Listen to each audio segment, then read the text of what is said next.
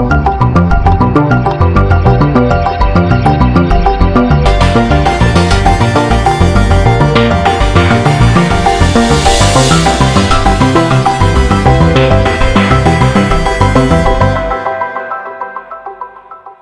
balik lagi di Loci Talk Podcast bersama saya Akbar dan teman saya Fadlan yang hari ini di episode kedua ini akhirnya muncul nih. Dari mana lu sih?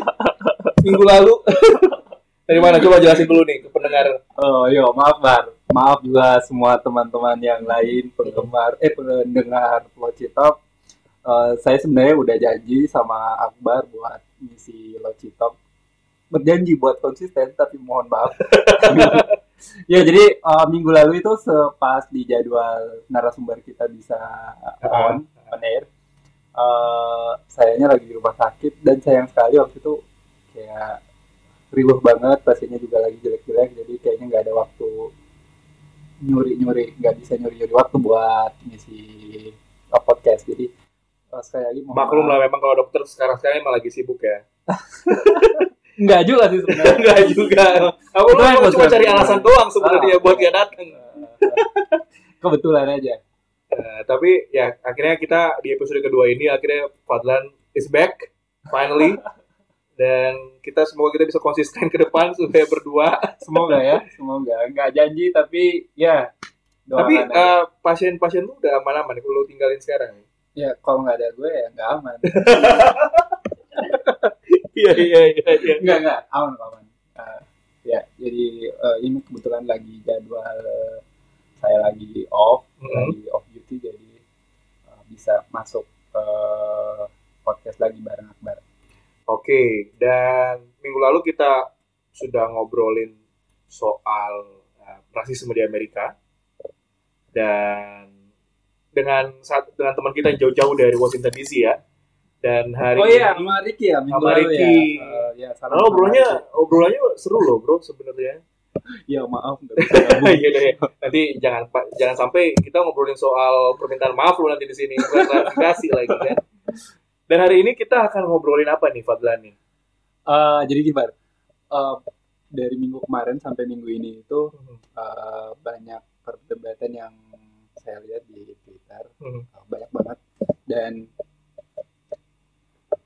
uh, yang menarik ada satu yang menarik perdebatan di Twitter Apa tuh, apa itu, uh, soal privilege. Jadi Wow.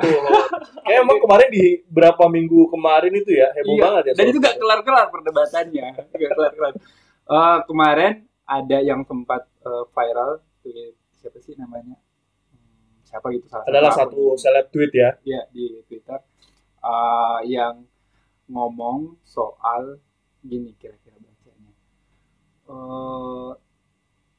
Nggak usah ngomong soal privilege deh. Nah Mhm. itu itu kayak excuse aja. Mhm. dia posting gambar eh, salah satu mahasiswa Indonesia Iya. yang udah nyelesain S3-nya di luar negeri. Mhm.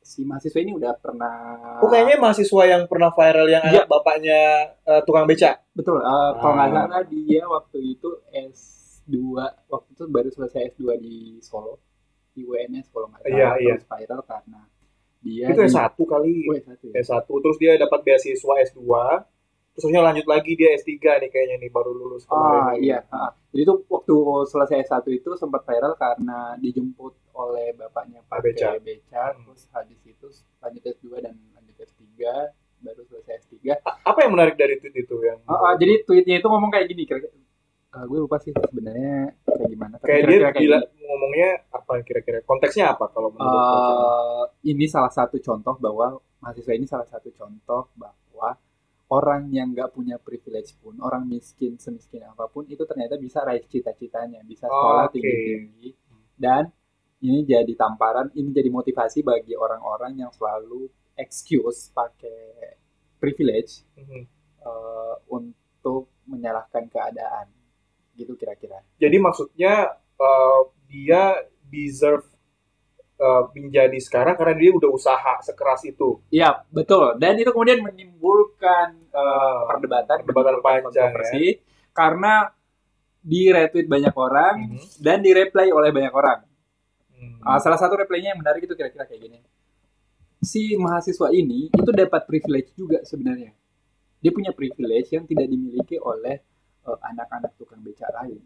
Jadi waktu waktu dia baru lulus, oh lagi kuliah di Solo itu, Mhm. dia itu eh, dibumingkan, dibumingkan fotonya kesebar ke mana-mana, Mhm. beritanya ke mana-mana, dan em, disoroti oleh media nasional sehingga dapat beasiswa, dapat Oke. beasiswa ke luar negeri, dapat beasiswa Dia dapat beasiswa karena viral ya karena sebenarnya. viral. Dan itu bagi orang eh, itu sebenarnya salah satu privilege juga menurut orang yang refleksi. itu. Oke, jadi dia sebenarnya akhirnya dapat privilege bisa sekolah karena dia viral, sedangkan sebenarnya banyak juga mungkin lebih pintar atau lebih uh, tidak seberuntung dia tapi dia mendapatkan beasiswa. Betul sekali. Eh, bar sorry sorry sorry. Hmm. Ini gue potong ya. Eh, privilege itu sebenarnya apa sih? Oke, eh tapi ngomong-ngomong nih, kita sebelum ngomongin privilege kita ada teman juga nih diajak ngomong nih. Oh iya maaf. Aduh, kita dari tadi ngomong berdua tapi Ya sebenarnya di sini kita bertiga ya. Sebenarnya. Eh, Nah, kita- pendiam. ah, iya dia ada pendiam. Kita akhirnya uh, ngundang teman kita buat ngomongin privilege sebenarnya. Nah, teman kita yang baru pulang dari US juga, Wah ya. Ini privilege juga. privilege juga sebenarnya. Betul ya. Saya sepakat. Ini ada coba dulu perkenalkan namanya nih. Halo, nama saya Weni. Weni. Gue ini perkenalannya gitu doang. Iya dong, Weni, kamu lagi ngapa di mana? Jakarta. Jadi kita uh, ngundang teman kita nih yang biasa juga kita temenin diskusi soal uh, apa aja ya. Banyak banget ya kita diskusi sama Weni ini ya. Iya. Bisa ngomongin soal gender biasanya dia memang anaknya suka banget ngomongin soal Iya, jadi. Weni ini teman tongkrongan kita lah. Iya. Eh, teman nongkrong kita dulu sebelum Covid melanda. Sering ngobrol-ngobrol bareng juga. Kebetulan waktu berapa bulan yang lalu, eh tahun lalu ya. Hmm. Iya. Eh, Tahun lalu sebelum dia ke US. sebelum ke US terus habis ini baru selesai course di US baru balik dan kita bakal ngobrol banyak soal privilege dengan Hmm. Weni. Kenapa? Karena gini. eh oh ya sebelumnya mungkin bagus di ini dulu bar. Apa? Privilege itu apa sih sebenarnya? iya, itu privilege. Kalau menurut gue ya, privilege itu sebenarnya adalah uh, gue nanti Weni bisa ceritain privilege dalam arti uh, literally pakai bahasa Inggris ya. Iya, karena-. Soalnya karena yang gue gue yang gue tahu ya privilege itu menurut uh, gue orang tuh punya kemewahan atau punya uh, keberuntungan tersendiri. Jadi kayak misalnya nih, uh, lu tuh um, uh, uh, punya misalnya nih privilege dalam artian lu punya uh, uang yang banyak. Jadi privilege lu adalah lu bisa beli apa aja. Oke. Uh, atau misalnya lu punya privilege lu adalah uh, um, anak um, ini anak jenderal misalnya. Yang lu lihat misalnya sekarang kalau bisa kita, kita ngobrol di Indonesia ya, anak jenderal itu bisa merasa kayak sengak dan punya kekuasaan yang uh, bisa ngapain aja karena dia punya privilege dia nggak akan ditangkap oleh polisi Oke. kayak gitu. Oke. Kalau ini gimana menurutnya soal privilege itu? Hmm, apa ya? Akses kali ya. Kemudahan Oh, akses. ya. Iya. Privilege kalau dalam kan udah diserap dalam ke dalam bahasa Indonesia privilege kan. Uh, Oh, privilege itu udah udah diserap Iya, dalam bahasa Indonesia. mm. Itu udah resmi ya. Iya, Nama kayak udah Indonesia resmi. privilege. Dulu ya. Oh ya, oke. Jadi, Jadi kita pakai bahasa privilege ya. iya Iya. privilege. mari gunakan bahasa Indonesia. Jadi menurut aku tuh eh, itu kayak akses terhadap segala sesuatu. Jadi misalnya akses terhadap pengetahuan, akses em, terhadap eh, sumber daya, eh, apalagi ya? Oh ya aku ingat. Jadi waktu kuliah itu saya Di mana? pernah di Unhas. Oh, dulu. oh, oke. Nah, Dulu kuliah apa? HI. Oh, HI. Oh, anak HI. Jadi saya pernah ikut kelas Ekopol yang dipandu oleh Kak Dandi. Uh, Dan yang mana? Dan di Laksono. Oh, oh ya orang-orang kenalnya Nur Hadi Sirimono. Oh, ya. Ot Nur tahu, Hadi. Jadi kita itu fokus sama uh, sustainability, sustainability livelihood atau Ah, dalam bahasa? Indonesia ini. Oh, iya, iya. Bahasa gua udah agak aneh nih bahasa pembahasannya, iya. Gak apa-apa sih, gak apa-apa biar podcast ini kelihatan keren aja. Untung saya ingat ya. Uh, karena bicara akses. Jadi itu artinya pengus- uh, usaha un- usaha untuk penghidupan Yang- Jadi gimana kita cari penghidupan nah di situ itu kita bahas jurnalnya kalau nggak salah namanya Spoons semoga saya nggak salah ya Hmm. silakan dicek lagi Hmm. jadi di jurnal Spoons itu dia bahas ada enam capital atau akses Hmm. Oke. saya coba ingat-ingat ya. Iya. Eh, human capital, human capital, eh, natural capital, natural capital ini kayak sum- eh, Sumber daya alam. sumber daya alam ya. Ah. Terus physical capital itu kayak punya gedung, punya Hmm. rumah. Eh, terus economic capital itu aset. Hmm. Oke. Terus eh, cultural capital itu eh, secara budaya. Terus social capital itu eh, kehidupan sosial. Hmm. Eh, kalau sudah enam ya? Gue gitu. Maaf. Sudah enam Bang ya? gitu sebenarnya, Wen. Kira takjub gitu kok menjadi wow. Banyak banget jenisnya ya. eh, ingat karena bicara akses saya ingat Ah. sekali. Eh, terus, nah kebetulan saya ke bagian membicarakan tentang social capital. Hmm.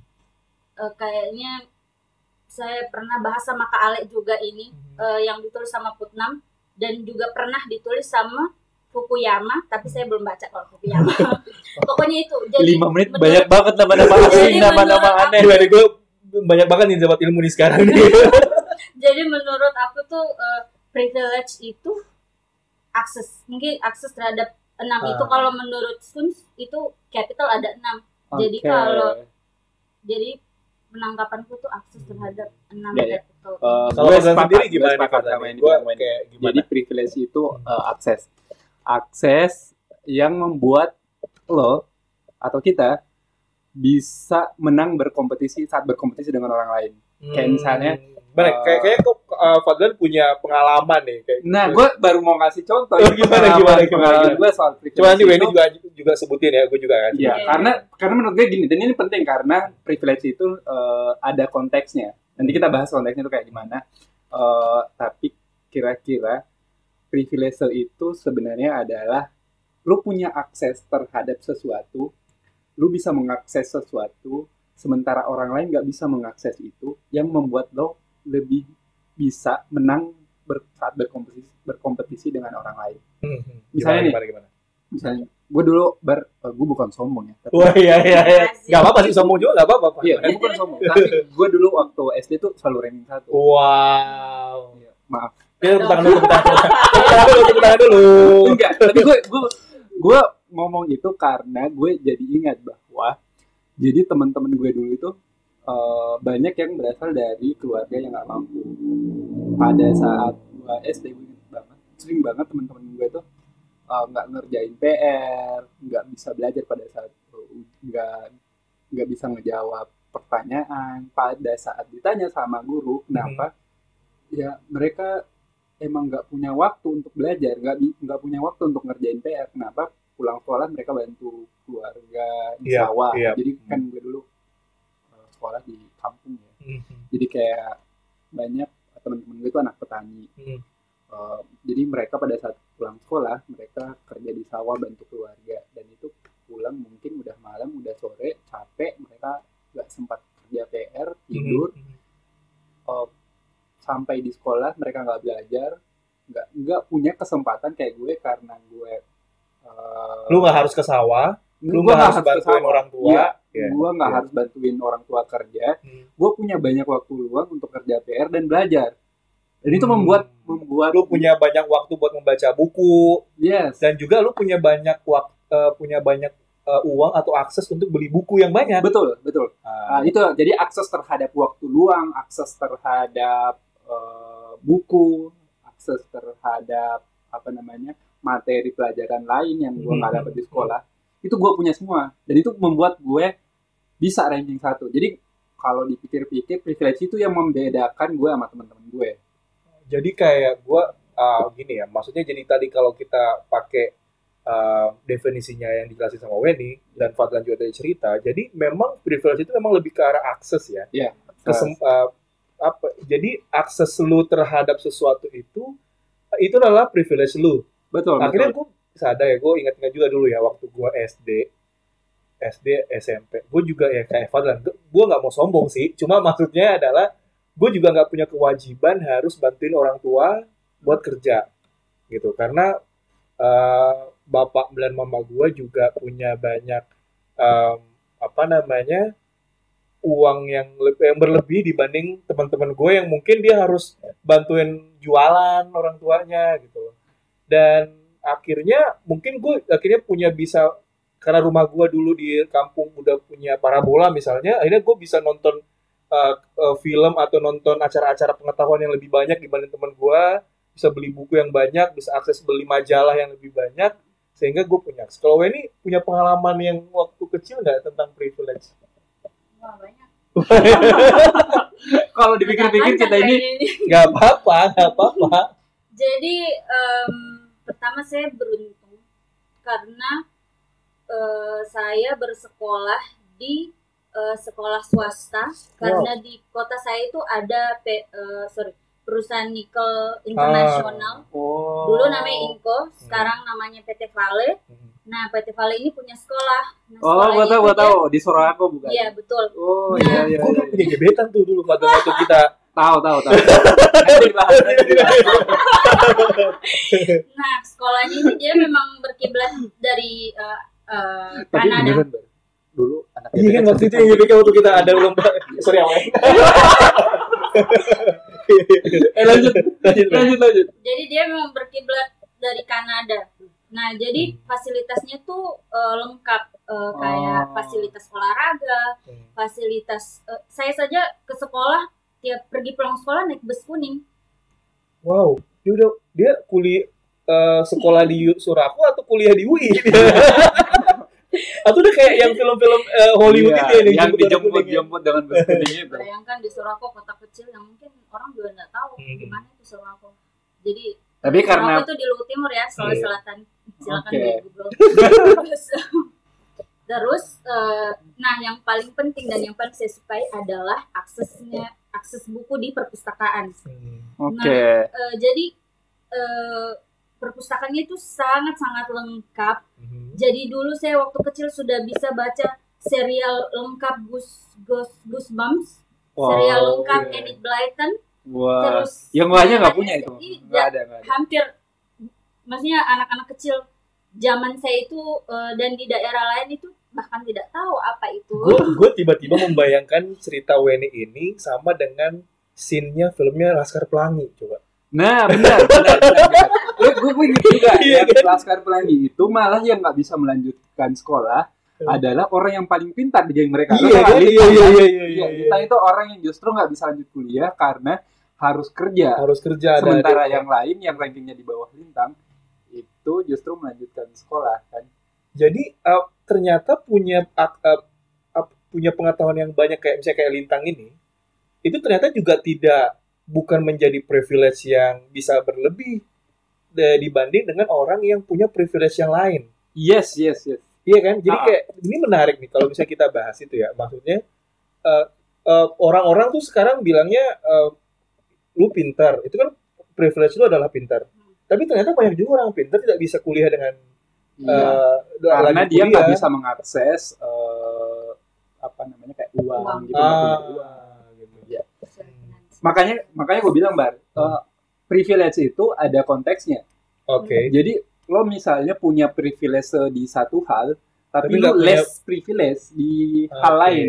Eh, lo nggak punya privilege di hal lain. Contoh nih ya, eh, gue kalau misalnya gue bandingin ya sama saudara-saudara gue yang perempuan, kayak di rumah gue tuh em, masih menganut yang masih Pro primordial apa tri, Iya. apa patri, apa sih Uh-uh. patriarki ini ini, ini topik rumah. topik yang sangat disukai Weni nih kalau kita ngomong nih. Iya, jadi kayak di rumah itu kan gue masih ya tau lah orang Iya, rumah iya, kampung iya. agak konservatif pemahamannya. Jadi kayak tugas-tugas rumah tangga, Hmm. tugas-tugas rumah, semua itu kayak mencuci segala macam itu dikerjakan oleh Perempuan. perempuan. Sementara gue nggak nggak punya kewajiban itu. Dan itu membuat itu membuat eh, gue ngerasa gue sebagai laki-laki itu lebih privilege dibanding perempuan. Hmm. Eh, dan itu mungkin terjadi juga di perempuan-perempuan lain. Semua orang kayak punya struggle-nya masing-masing. Mereka struggle karena nggak punya privilege di satu satu hal tertentu. Walaupun misalnya mereka eh, punya privilege di hal lain satu contoh lain misalnya Gimana gimana gimana? eh, gua misalnya kayak punya beberapa teman ya, Hmm. eh, perempuan Chinese Hmm. mereka pintar Iya. sangat pintar karena mereka punya privilege beberapa temen gue itu punya privilege eh, bisa mengakses bisa mengakses pendidikan yang Iya. baik Nah, sekolahnya bagus-bagus. sekolahnya bagus-bagus dan beberapa sekolah-sekolah eh, Chinese itu memang eh, Eh, standar internasional. standar internasional benar. yang dikelola bagus banget. Hmm. Tapi mereka nggak bisa misalnya masuk ke pekerjaan-pekerjaan tertentu yang entah kenapa, entah kenapa sangat rasialis nggak mereka nggak bisa dibiarin masuk ke situ. Misalnya Hmm. militer, mereka nggak nggak pernah bisa masuk ke militer. Ya, Kalaupun misalnya masuk ke dunia pemerintahan jadi birokrat, mereka paling tinggi pangkatnya nggak pernah dapat posisi yang strategis yang itu didominasi oleh orang-orang yang non Chinese Hmm. dan itu kenyataan. Nah itu bagi walaupun mereka privilege di hal tertentu, mereka less privilege, nggak punya privilege di hal lain yang membuat mereka nggak bisa berkompetisi. ini juga sebenarnya Fadlan um, akhirnya mengungkap mengungkap tabir ya bahasanya. Enggak, jadi kayak gue langsung berpikir nanti kita bisa klarifikasi ke Deddy Corbuzier juga sebenarnya ini. Gue jadi berpikir ya tadi cerita Fadlan um, bahwa yang uh, perempuan kalau misalnya di kultur kita ini kan gue Fadlan punya kesamaan kultur nih. Kultur kita ini memiliki privilege walaupun dia dikenal di sekolah itu lebih pintar-pintar tapi perempuan itu cenderung memiliki lagi eh, barrier tersendiri. Oke, mereka memiliki uh, hambatan ya, Iya, yang jadi membuat mereka nggak bisa kayak cowok. Iya. Di- tapi dia udah di, di, di sekolah, li- kita bisa tahu kan rata-rata tuh murid-murid perempuan itu pintar. Oke. Tapi dia punya eh, penghambat lagi dia bahwa dia adalah perempuan. Gimana nih Wen? Kalau dari pandangan lu nih sebagai yang biasa ngomongin soal gender. Ayo di sekolah ini di Ya, di sekolah. sekolah. di sekolah jadi contoh paling kecil sebenarnya itu pemilihan ketua kelas pasti Ah. selalu laki-laki ataupun organisasi di sekolah pasti selalu laki-laki hampir tidak pernah perempuan itu saja sudah menunjukkan kan di mana kasta kami sebagai Wow, ini the second sex. the second sex. Nah, eh, kita balik lagi ya ke masalah eh, tadi yang soal tweet yang viral itu. Jadi sebenarnya menurut lo, apakah salah seorang itu memang punya privilege atau memang apa sih apa sih sebenarnya permasalahan inti kenapa masalah privilege itu diobrolin terus menerus di Indonesia? Kira-kira kalau menurut Fadlan gimana? kalau kalau gue sih gitu, eh, orang itu kan nggak bisa milih ya nggak bisa milih dia terlahir dari keluarga mana Betul. Eh, gue juga nggak bisa milih terlahir di keluarga yang lebih privilege dibanding teman-teman gue Hmm. Gue juga nggak bisa milih kalau misalnya gue bisa milih gue bisa harusnya milih lahir dari anaknya kerajaan. Khairul Tanjung atau anaknya Soeharto ya Atau jadi anaknya Sultan Brunei Iya. misalnya. Bisa milih jadi yang terlahir kaya. Gue langsung inget meme yang lagi lagi viral tuh yang ada fotonya Rafathar sama anaknya. bener-bener Dia terlahir kaya ya, Yum. gue andai kan bisa milih gue mau terlahir sebagai Rafathar tapi kan nggak bisa maaf ayah Raffi Ahmad Terus kenapa? Misalnya kayak eh, jadi apakah salah nih dengan kalau orang bilang ya udah lu eh, karena lu miskin, misalnya gua misalnya lu miskin, jadi lu eh, harus lebih eks, eh, ya udah lu harus berusaha lebih keras. Apa, ap- ada yang salah nggak dari pernyataan itu gitu? sebenarnya kayak gini bar kalau gue sih pentingnya kita bicara privilege itu adalah supaya kita jadi lebih empati terhadap struggle orang lain terhadap perjuangan orang lain Oke. kayak misalnya kalau misalnya eh, ada orang-orang tertentu yang kayak lu kenapa sih goblok banget Hmm. atau misalnya ketemu orang yang kita anggap ah lunya aja yang malas Hmm. kayak gitu itu karena kita nggak paham soal privilege Oke. kayak misalnya ya Ber gue punya teman juga kayak mungkin bagi orang-orang lain bagi orang lain mereka itu eh si teman gue itu orangnya malas jadi kayak kuliahnya lama banget nggak selesai Betul, selesai betul. koasnya lama banget Hmm. nggak selesai selesai setelah gue tanya setelah gue dia koasnya nggak selesai-selesai karena dia koas sambil cari uang Oh. sambil cari uang jadi kayak bagi orang lain mungkin mungkin bagi do atau bagi dosen atau bagi apa teman-teman koas yang lain Mhm. dianya yang malas karena nggak pernah datang Hmm. Rumah sakit nggak menyelesaikan tugas. Tapi kalau lu tahu ceritanya dia udah punya istri dan dia harus ngehidupin istrinya udah punya anak dan dia harus kerja di tempat lain. Jadinya nggak bisa fokus nyelesain tugas-tugas koas nggak bisa fokus nyelesain masa studinya. Nah kalau kita ngerti soal privilege kita jadinya paham dengan eh, struggle orang lain dengan perjuangan orang lain. Kita jadinya paham bahwa kita semua ini ber- kita semua ini berbeda. Kita semua kita kita punya- mem- memiliki titik start yang berbeda. titik start yang berbeda bener banget bahasanya kita punya punya titik start yang berbeda yang lu nggak bisa banding bandingkan Oke. lo nggak boleh ngejudge orang lain gampang banget ya. Lu nya aja yang malas atau lu nya aja yang sok-sokan. Padahal sebenarnya masalahnya bukan di situ. Oke, Hmm, menarik sih ini. Uh, ah, jadi uh, akhirnya gue langsung tersadar ya kayak kita tuh sebenarnya waktu sekolah misalnya kalau kita kita kan banyak mengalami privilege tuh masa-masa sekolah ya. Atau misalnya uh, sekarang kalau misalnya di dunia kerja juga ternyata kita juga kadang-kadang juga um, apa namanya sering terjebak dalam dalam privilege ini. Contoh misalnya ada teman kenapa sih dia uh, apa namanya dia tidak tidak misalnya dia tidak bisa mengikuti ritme kerja? Ternyata sebenarnya dia punya keterbatasan misalnya ada betul juga betul gitu. atau uh, waktu ingat nggak dulu waktu kita zaman zamannya kuliah kan zaman kuliah tuh kayak kita gampang menjudge orang kenapa lo nggak ikut satu organisasi misalnya?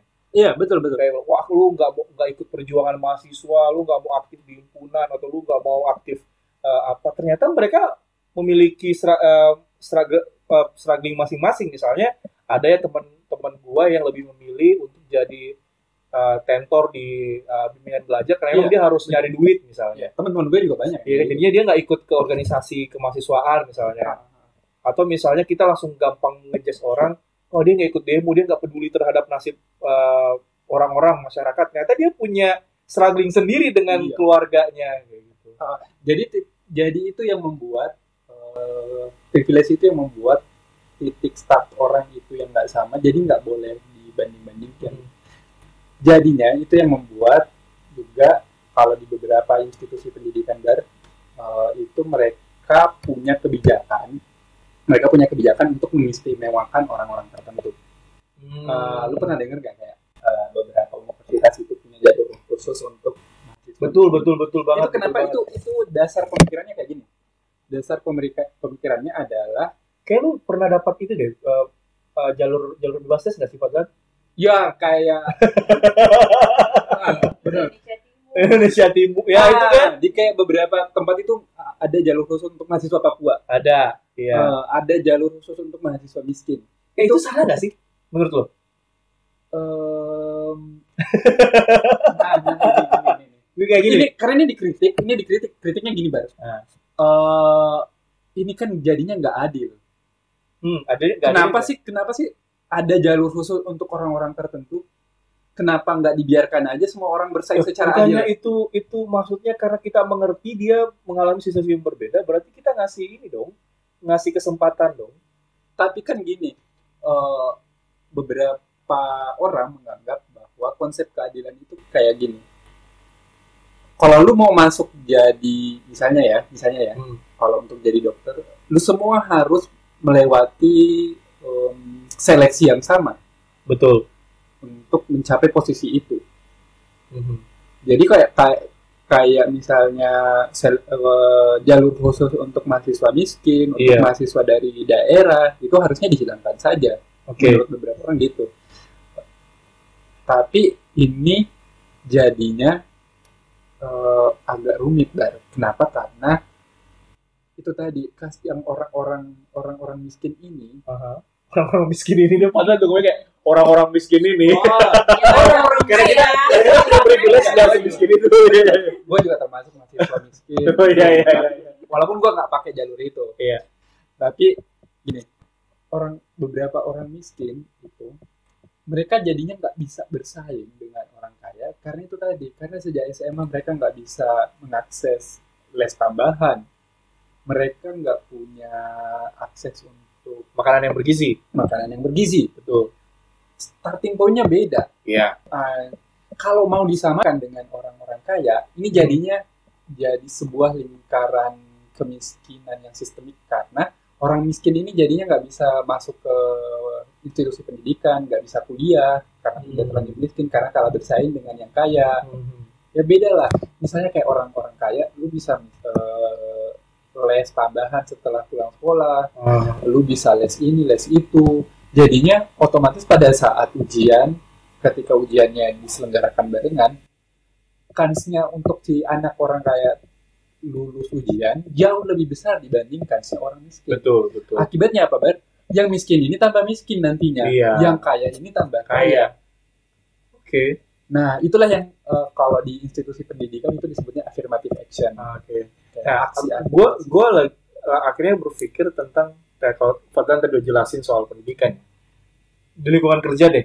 Gue karena kan Fadlan mungkin kalau di di dokter tuh kan eh, apa ya kayak berbeda sama apa yang, yang biasa gue lakuin di kantor kan.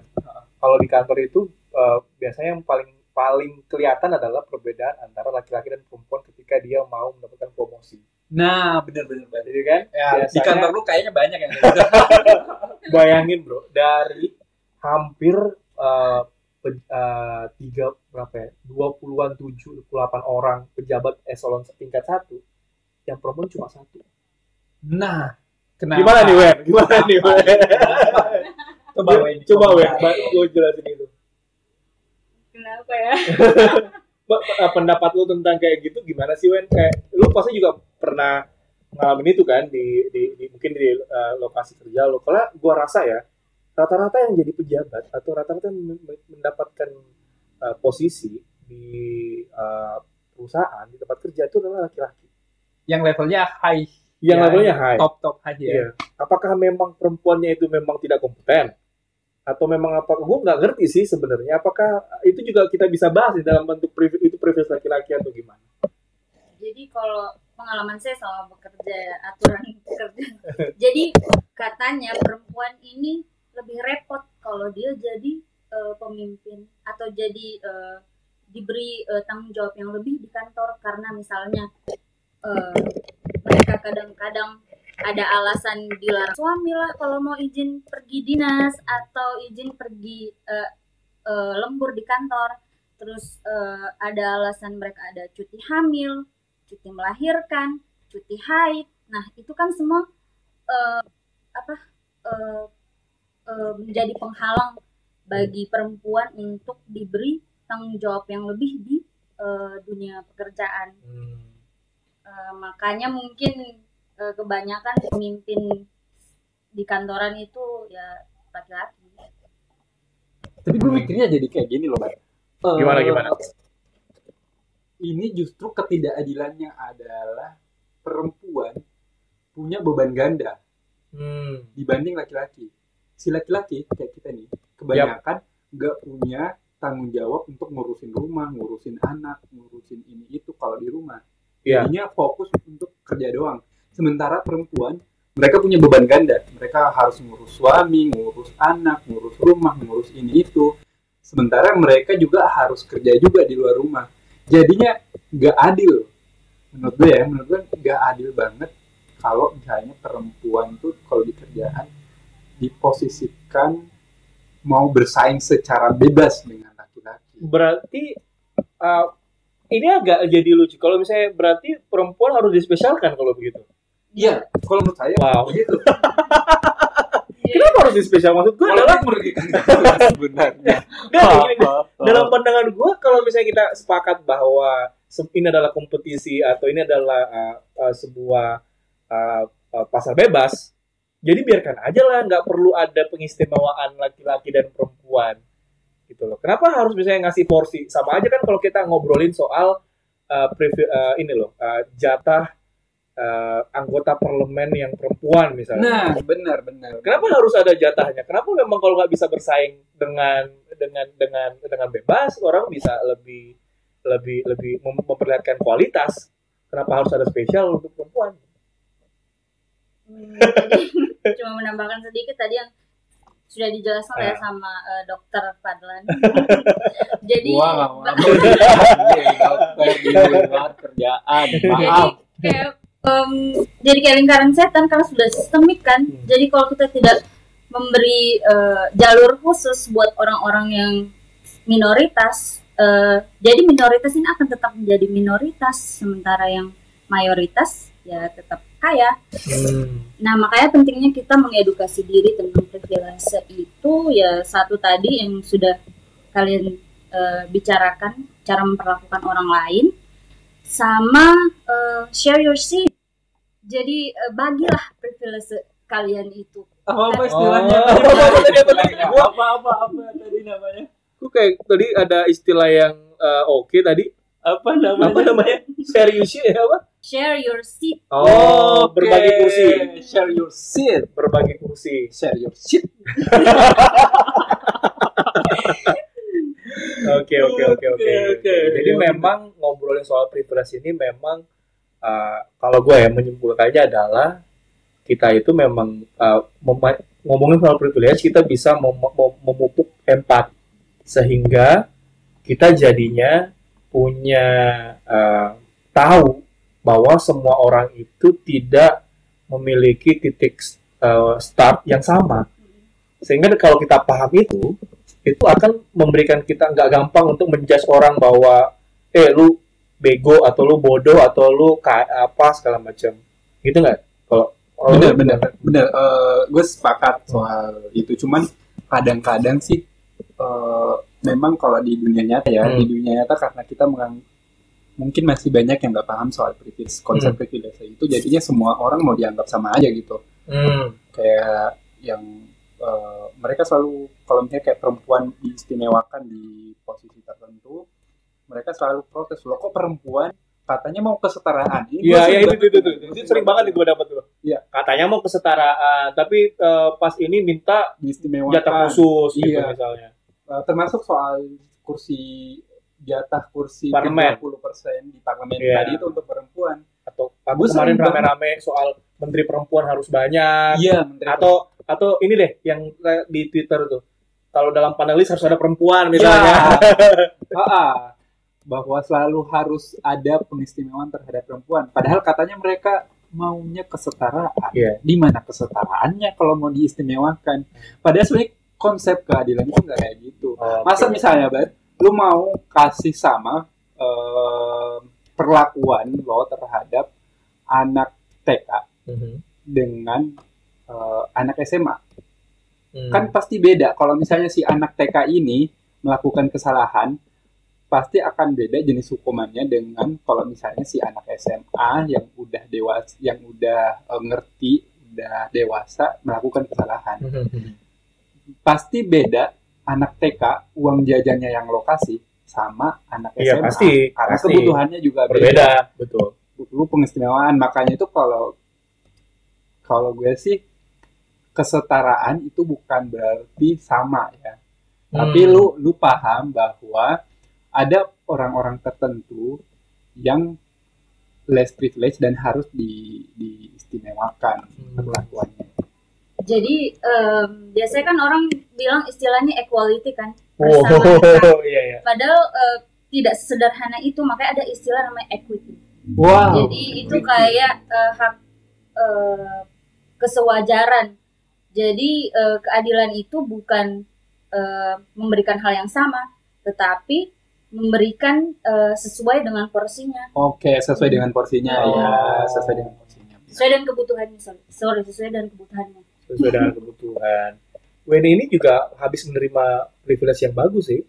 Apa Baru pulang dari US kan. Iya. oh, panjang kalau panjang kalau Iya, benar. beasiswa ya panjang. emang tersendiri Nah iya, Bang, itu juga satu tema yang menarik loh pada nanti kita bahas mungkin di Iya, nanti kita bahas selanjutnya ya. Privilege sendiri penerima beasiswa. Iya, Sebagai sebagai orang yang gagal berapa kali gagal beasiswa, kayak Sakit hati. Iya. kok dia bisa sih gue gak bisa. Iya betul banget. Nah, Cuma kadang kan orang nggak nggak paham soal itu, nggak paham Hmm. soal itu. Selalu Eh, dan gue sering banget bar dengar ini dari pembicara-pembicara kayak motivator-motivator Hmm. yang nggak paham soal privilege ini selalu menganggap bahwa kegagalan itu selalu karena kualitas individu. Oh. Padahal nggak selalu. Kadang kegagalan itu bukan cuma faktor dari individu sebenarnya. Ada banyak faktor lain yang Kemiskinan struktural. Wow. Kemiskinan struktural itu apa? Tolong. Tapi berarti ya kita uh, oke kita uh, berbicara tentang kenapa orang akhirnya uh, ngobrolin panjang privilege karena juga mungkin ada uh, peran besar negara dalam uh, membuat jurang privilege ini semakin lebar juga kan, Fadlan, kan? Misalnya uh, kayak Weni tadi dia cerita dia sekolah di sekolah swasta, sedangkan saya mungkin sekolahnya di SD Impres itu kan siswa negeri Impres gitu. Karena memang uh, uh, negara tidak bisa menyiapkan platform atau menyiapkan fasilitas yang mem- membuat orang memi- merasakan privilege yang sama. Iya betul betul.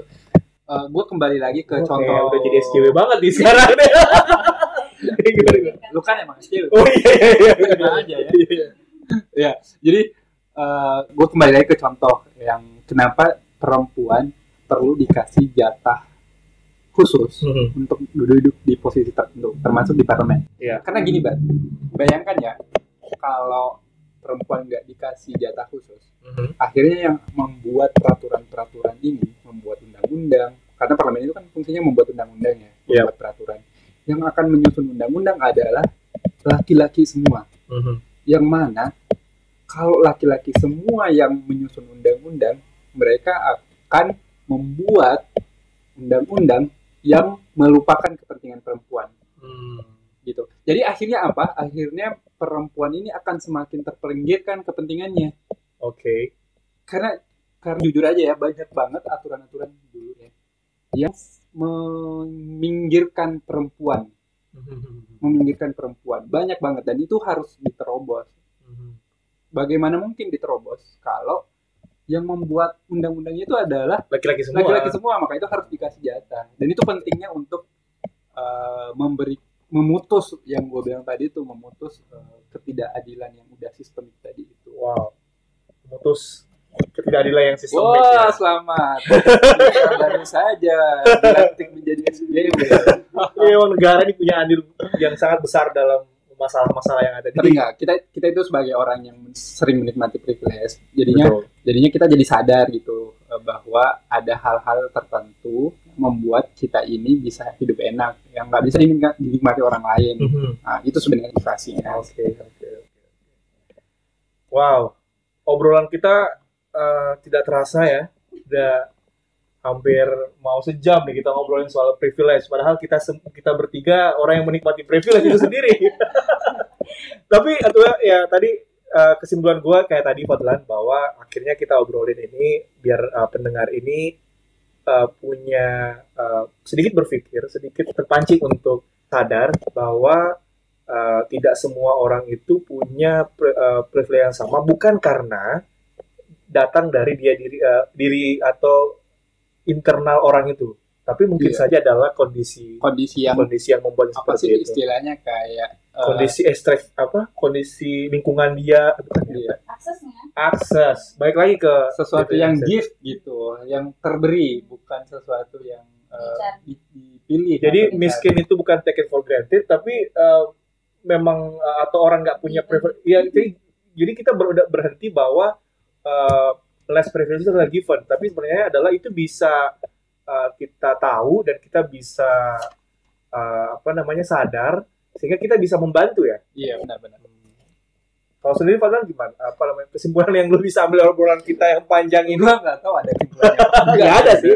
kita nggak kita nggak mau kita nggak dalam rangka mem- uh, ini ya menyimpulkan ya silakan menyimpulkan sendiri Iya, dan kita juga nggak cerah lagi ceramah. Jadi silahkan menarik kesimpulan sendiri. Eh, paling penting tadi yang dibilang ini sih sebenarnya share your shit. Jadi know Share your, your privilege, know your know your privilege. pri- privilege and share your shit. share your shit kalau nggak bisa your kalau nggak share your shit jadinya share your shit gitu oke terima kasih sudah mendengarkan kita di episode kedua hari ini saya Akbar dan Fadlan dan terima kasih untuk kehadiran Weni.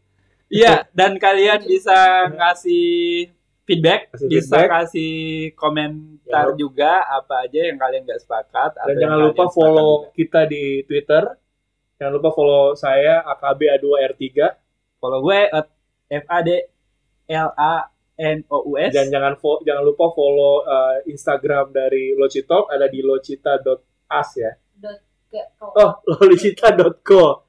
Nanti kita update lagi atau misalnya kalian mau ngasih saran, kalian mau ngasih masukan atau komen-komen uh, atau tema apa yang kita akan bicarain lagi atau mau ada rekomendasi siapa yang kita undang, Yes. boleh. Follow juga. Eh nggak usah follow ini deh. ini isinya Eh, follow ini siapa ini? Oh, jangan. Sampai jumpa di episode akan datang. Terima kasih. Salam.